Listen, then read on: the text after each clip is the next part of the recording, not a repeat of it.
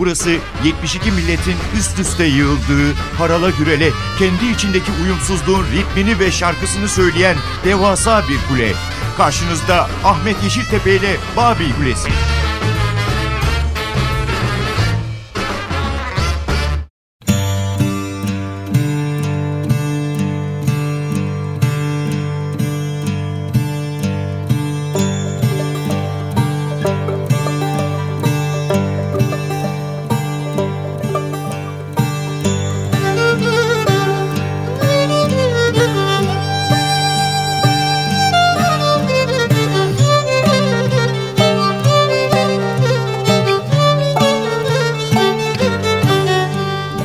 Kulesi'ne hoş geldiniz. Tüm zamanların hakkında en fazla söz edilen atlarını ve onların müthiş öykülerini anlattık sizlere. 10 efsane başlığını taşıyordu program ve 10 ayrı atın efsanesinden oluşan bir devasa öykünün yollarına girip çıkmıştık.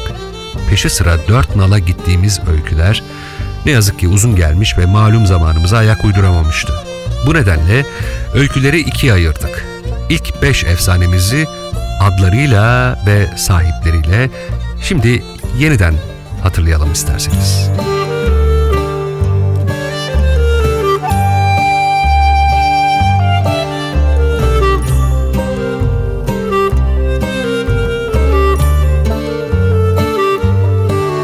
Sırtına çıktığımız ilk at adı 2000 yıldır efsane haline gelmiş bir küheylandı.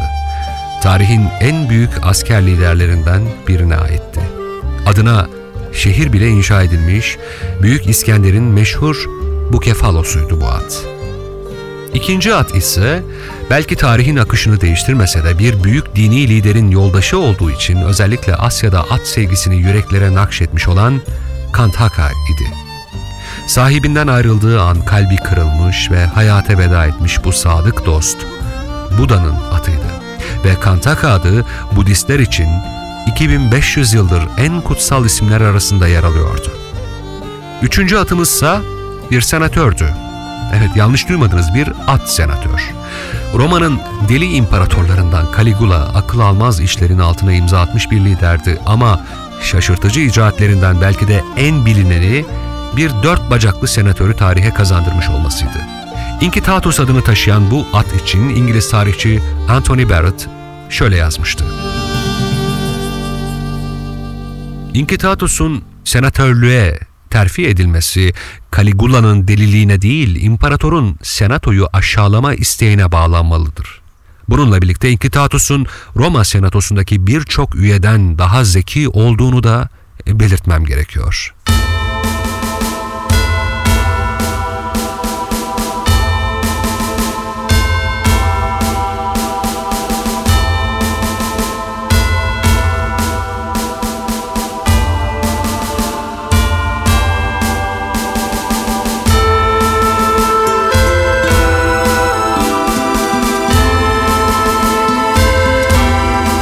Dördüncü sıradaki at ise at adını taşıyan hayvanlar arasında en kutsal, adı en fazla saygıyla anılandı. O yedi kat gökyüzüne şimşek gibi çıkan, sahibinin her emrini kutsal bir görevi yerine getirme heves ve heyecanıyla yapan Hazreti Muhammed'in efsane atı Burak'tı.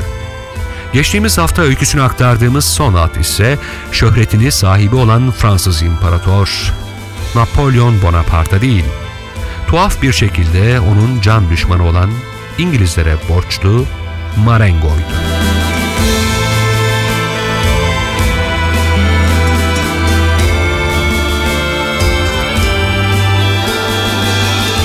Özetle Babil Kulesi, geçtiğimiz bölüm sıra dışı kısrakların, akhal tekelerin, ferganaların, beyaz aygırların ve Arap atlarının efsaneleriyle arz endam eylemişti. Bu hafta ise diğer 5 efsaneyi anlatacağız sizlere.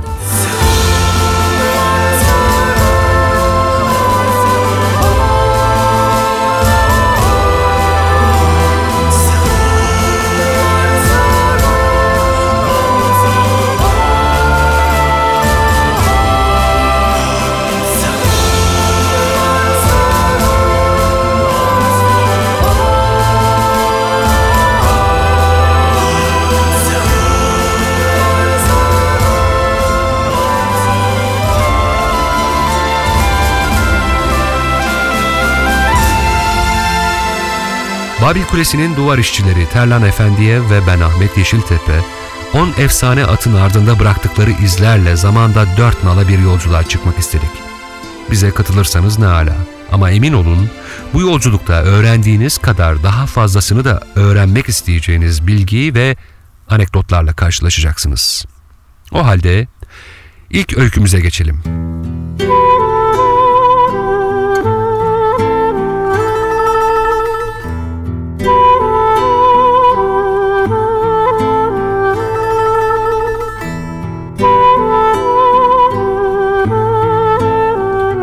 Binicisiyle birlikte savaş alanında ölen bir başka efsane atın öyküsüne gidelim. Bu atın adı Derviş. Sahibi ise Türk ve Osmanlı tarihinin en tartışmalı isimlerinden asker, devlet adamı ve elbette önemli bir lider Enver Paşa.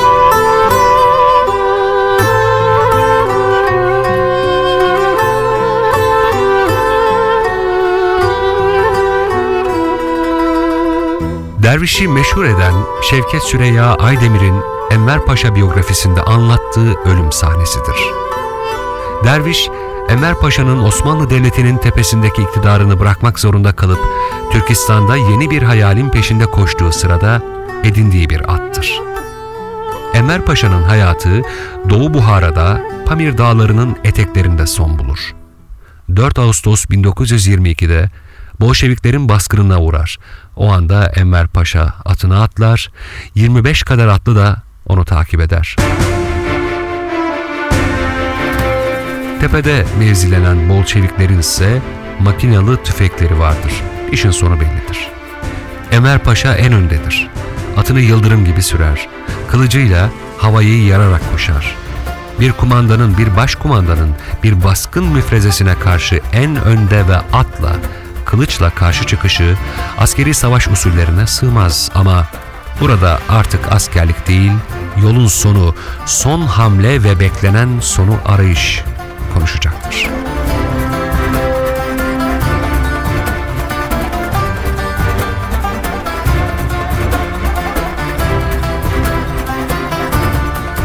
Bu son ise ölüm ve şehadettir. Mitralyöz, ateşini, hüzmesini en önde ilerleyenlerin üzerinde yoğunlaştırır. Enver Paşa vurulur, atından düşer. Paşa'nın kıratı derviş, bu tür sahnelerde olduğu gibi efendisinin başucundadır. Ama mitralyözün şeritleri ateşlerini kusmaya devam edecektir. Derviş de önce ön iki ayağı üzerine çöker, sonra yana devrilir. O da son nefesini vermiştir. Enver Paşa'nın derviş ile birlikte ölmesi kahramanlık öyküsünün vazgeçilmez kalıplarından biridir. Enver Paşa'nın ata karşı her zaman ilgisi vardı. At sevgisi ve bilgisinin orduda geliştirilmesi gerektiğini düşünen Enver Paşa, 1913 yılında İstanbul'da Sipahi Ocağı'nın kurulmasına öncülük etmişti. Sipahi Ocağı'nın dergisinin baş muharriri de yakın arkadaşı Keçecizade İzzet Fuat Paşa'ydı. O günlerden geriye akıllarda kalan pek az efsane var. İşte derviş onlardan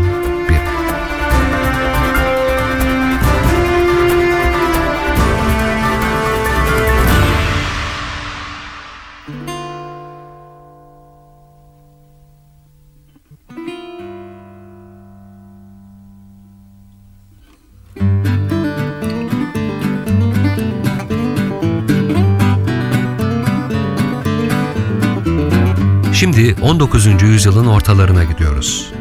Rotamız Kuzey Amerika. Karşımıza bu defa bir Mustang çıkıyor.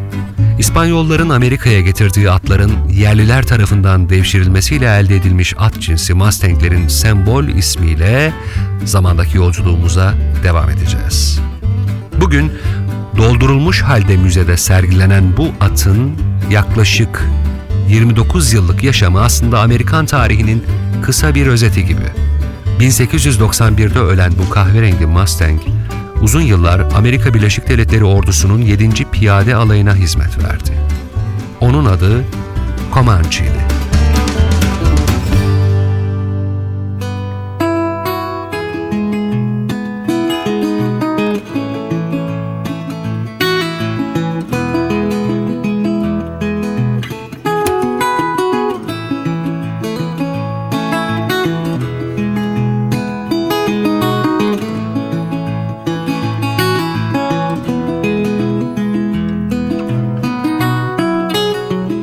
Avrupalılar gelmeden 8-10 bin yıl önce at Amerika kıtasında yok olmuştu.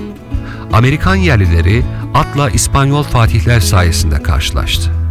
Meksika Fatihi Hernan Cortes'in kıtaya getirdiği Endülüs atlarının Mustang cinsinin atası olduğuna inanılıyor bugün. Atı benimseyen yerliler muhteşem Mustang'ler yetiştirdi. İşte kestane renkli iydiş bir Mustang olan Comanche bu atlardan biriydi. Alnındaki beyaz yıldızıyla çok güzel bir at olan Comanche, Amerikan ordusuna 1868 yılında girdi. Birinci Ordu 7. Süvari Alayı'ndan Yüzbaşı Miles Coach'u taşıdığı savaşta okla yaralanmasına rağmen sahibini üstünden atmadı ve Comanche adını aldı. Çünkü savaş Amerikan yerlilerinden Comanche'lere karşı yapılıyordu. Amerika Birleşik Devletleri'nin yerli savaşları döneminde Comanche, beyazların safında önemli rol oynayacaktı. Çünkü sahibi Yüzbaşı Coach, Yarbay George Armstrong Custer'ın komutasında savaşıyordu. Yarbay Custer, şöhretini Cheyenne ve Sioux'lara karşı gösterdiği cüret ve acımasızlıkla kazanmıştı. 25 Haziran 1876'da Custer komutasındaki 7. Süvari Alayı'ndan bir grup Crazy Horse, Çılgın At komutasındaki Cheyenne, Sioux savaşçılarıyla Montana'daki Little Big Horn nehri kenarında karşı karşıya geldi. Beyazlar tümüyle yok edildi.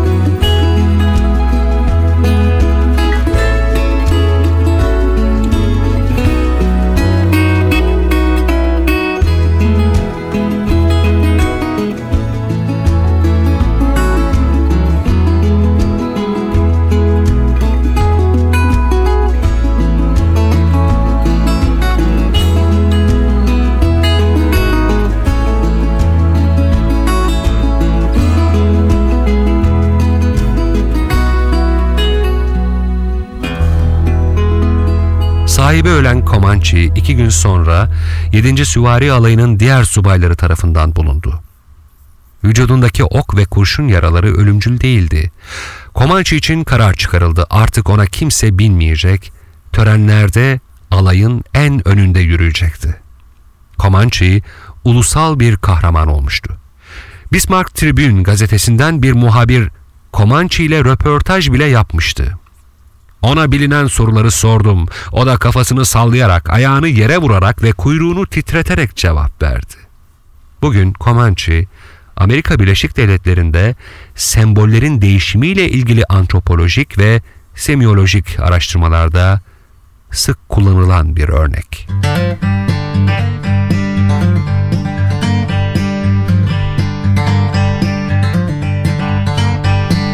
Roll out here, mister. If you need a little rest. Roll out here, mister.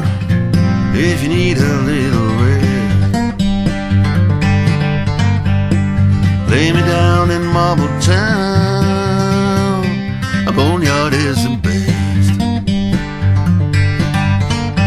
There was a bad bull on the railroad. Tried to put me off his train. This bad bull on the railroad. Tried to put me off his train. Lay me down in Marble Town till the coast is clear again. I'll hear them a hollering. We got a man down here. We got a man got a man down here. We got a man down.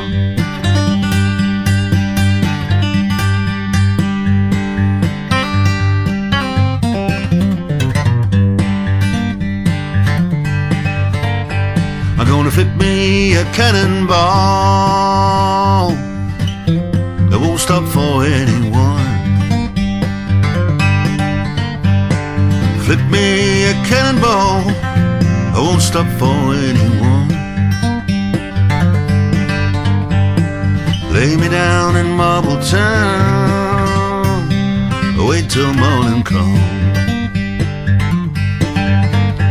I'm gonna roll out here in the tombstone. Wait here on my train. Roll out here in the tombstone wait here on my train. Me down in marble town. Hope that it don't rain. I still hear them hollering. We got a man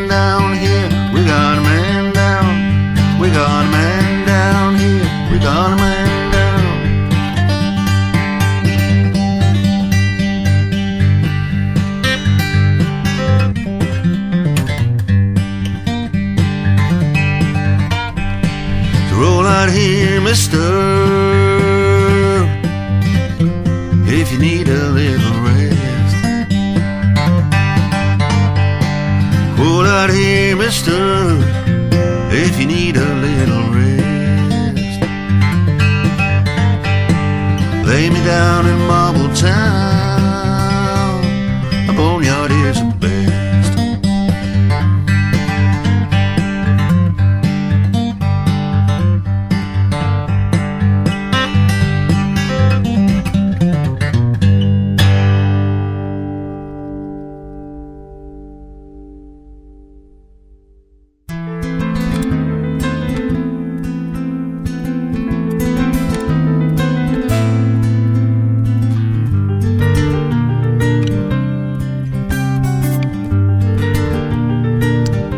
İnsanlar tarih boyunca onun sırtında yolculuk etti.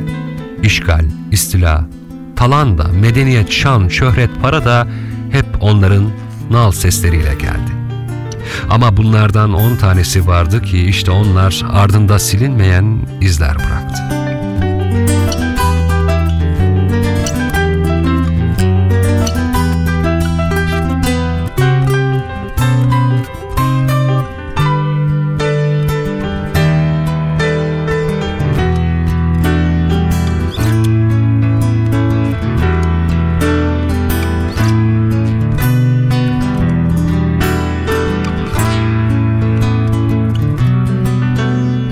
...2500 yıllık bir geçmişin içerisinden 10 at...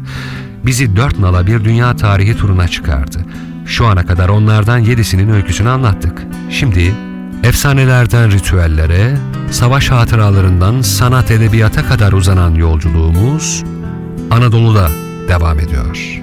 Sırada son halifenin atı... ...Osmanlı'nın son atı var. Hayyam.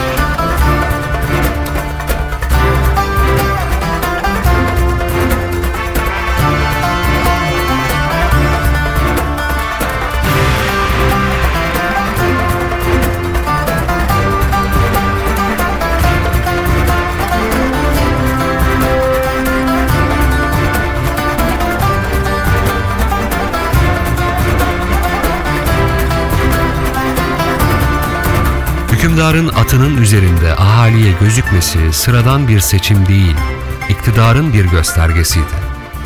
İyi binici olmayan hükümdarlar her zaman bunun sıkıntısını çekmişlerdi. Osmanlı padişahları için de Levni'nin çizdiği gibi önde sıra sıra yedek atlarıyla törenlere katılmak önemli bir ritüeldi. Fakat son padişahlar modernleşmeye uyarak batılı hükümdarlar gibi faytonu tercih etmişler, cuma selamlığına bile atla çıkma geleneğini bırakmışlardı.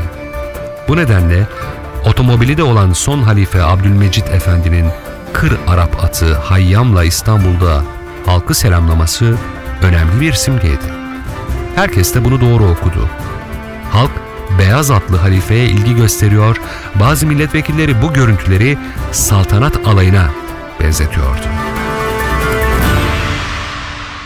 Cumhuriyet ilan edildikten sonra hilafetle ilgili tartışmaların başında halifenin yaşam tarzı geliyordu.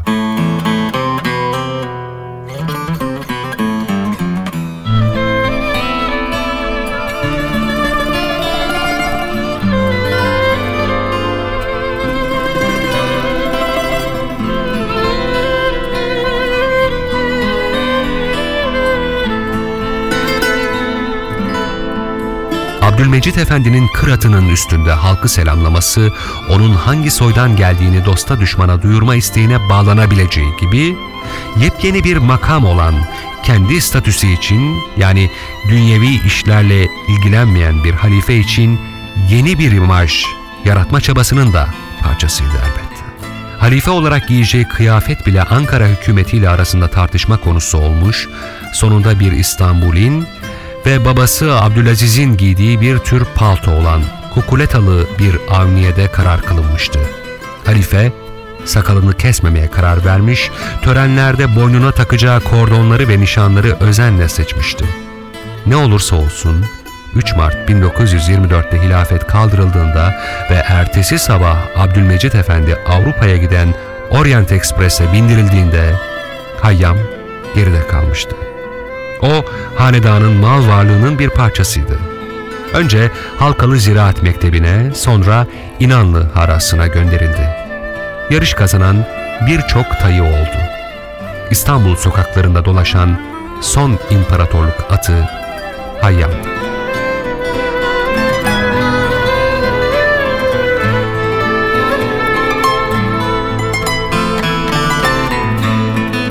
Babil Kulesi son iki bölümde dünya tarihinde dört nala bir yolculuğa çıktı. At sırtındaki bu yolculuk NTV Tarih Dergisi'nin Şubat ayı sayısında tarihçi Ayşen Gür'ün hazırladığı müthiş bir derlemenin iz düşümünde şu dakikaya kadar devam etti. Şimdi modern Türkiye'nin müjdecisi bir at var sırada. Mustafa Kemal Atatürk'ün sembol atı. Sakarya.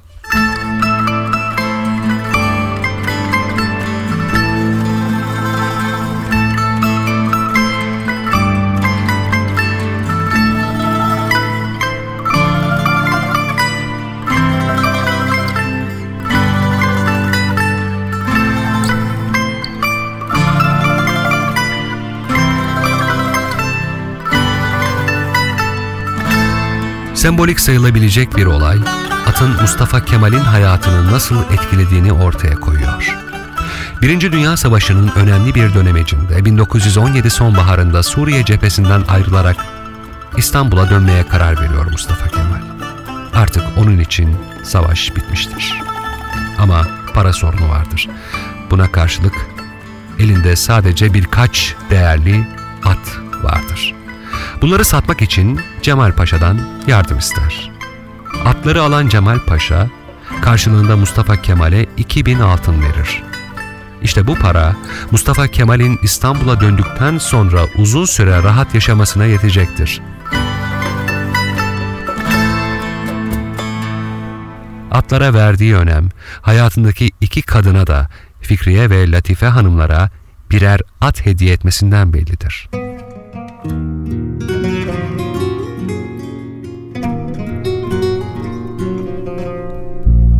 Ülkenin en karışık dönemlerinden birinde Eylül 1920'de Ankara'da Büyük Millet Meclisi Reisi Mustafa Kemal Paşa Hazretlerinin riyaseti fahimanelerinde bir at yarışı düzenlemiş olması da elbette kuşkusuz anlamlı bir harekettir.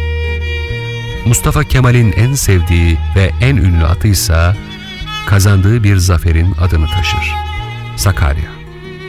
Onu fotoğraflarda üç ayağındaki sekiden ayırt etmek kolaydır.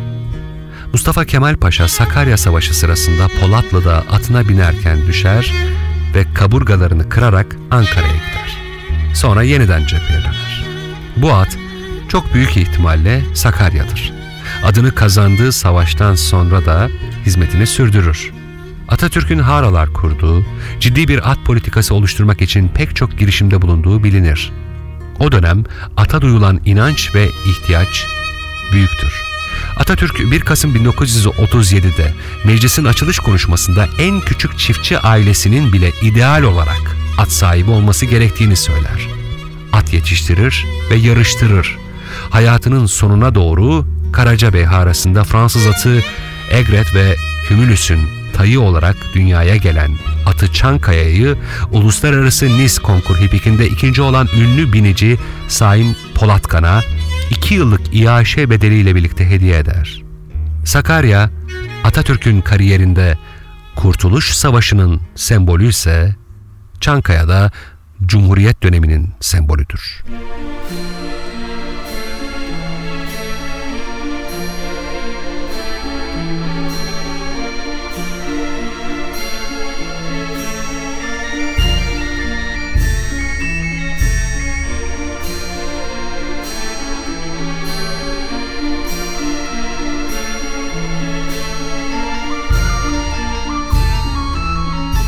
At sırtında dört nala yaptığımız tarih yolculuğu sona eriyor. Adından söz edeceğimiz, artık şimdiden bir efsane haline gelen son at, genetik teknolojinin ürünü kahverengi bir kısrak.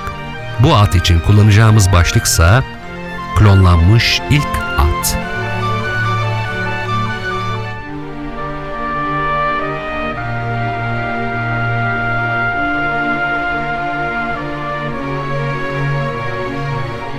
...28 Mayıs 2003'te dünyaya gelen Promethea, tarihin başka bir döneme girdiğini ve genetik oynamalarla elde edilen canlıların sayıca artmasıyla yepyeni bir çağın başladığının da habercisidir.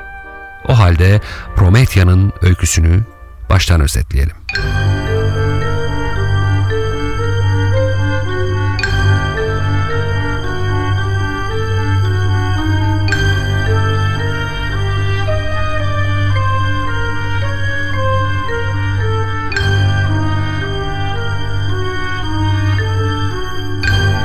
Şimdiki zamanın nerede bitip tarihin ne zaman başladığı hep bir tartışma konusudur.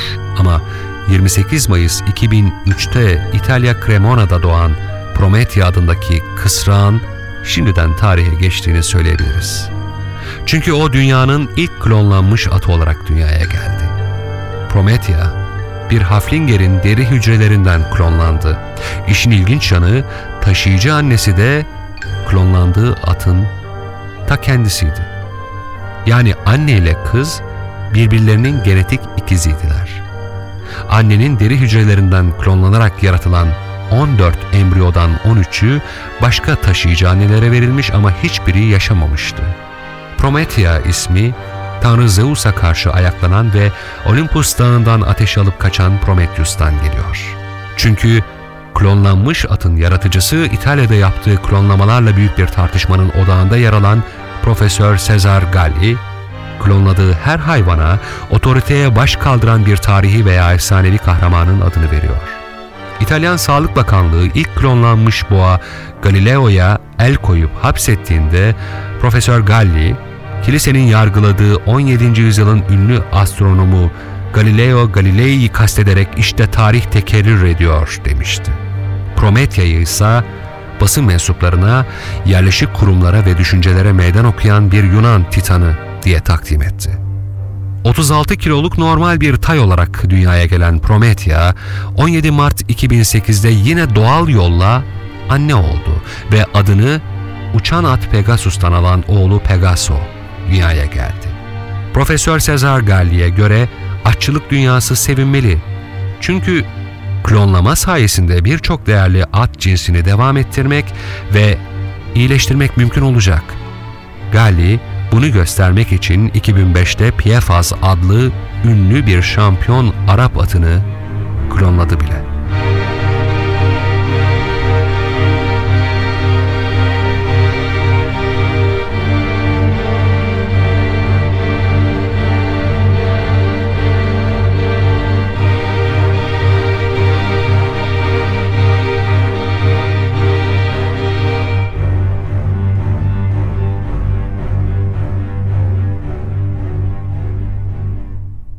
Babil Kulesi son iki bölümde dünya tarihinde dört nala bir yolculuğa çıktı.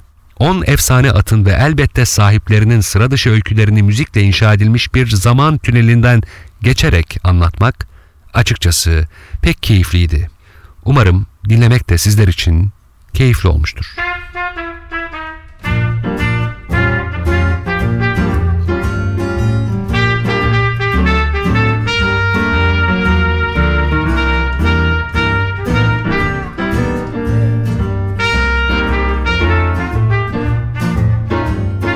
Programın teknik sorumlusu Terlan Efendiye ve ben Ahmet Yeşiltepe.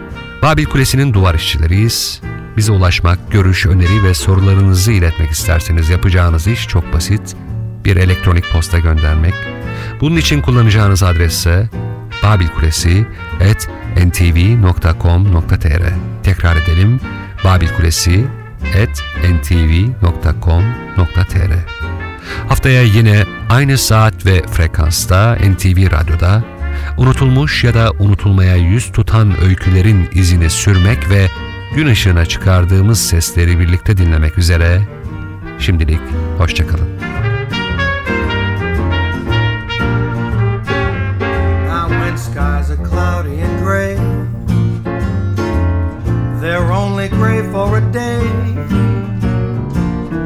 Wrap your troubles in dreams, dream your troubles away. The sunshine peeps through, there's only one thing to do. Just wrap your troubles in dreams dream your troubles away. Now castles may tumble, that's fate after all. Life's really funny that way. But if they tumble,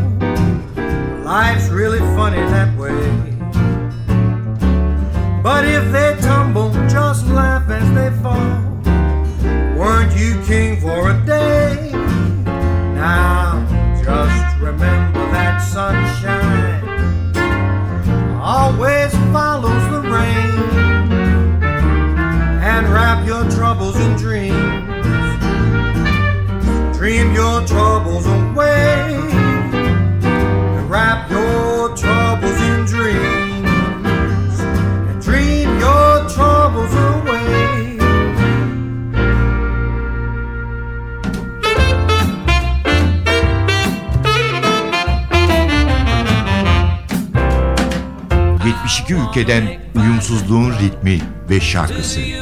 Babil Kulesi. Rengarenk bir ses tayfı. Babil Kulesi. Ahmet Yeşiltepe ile NTV Radyo'da.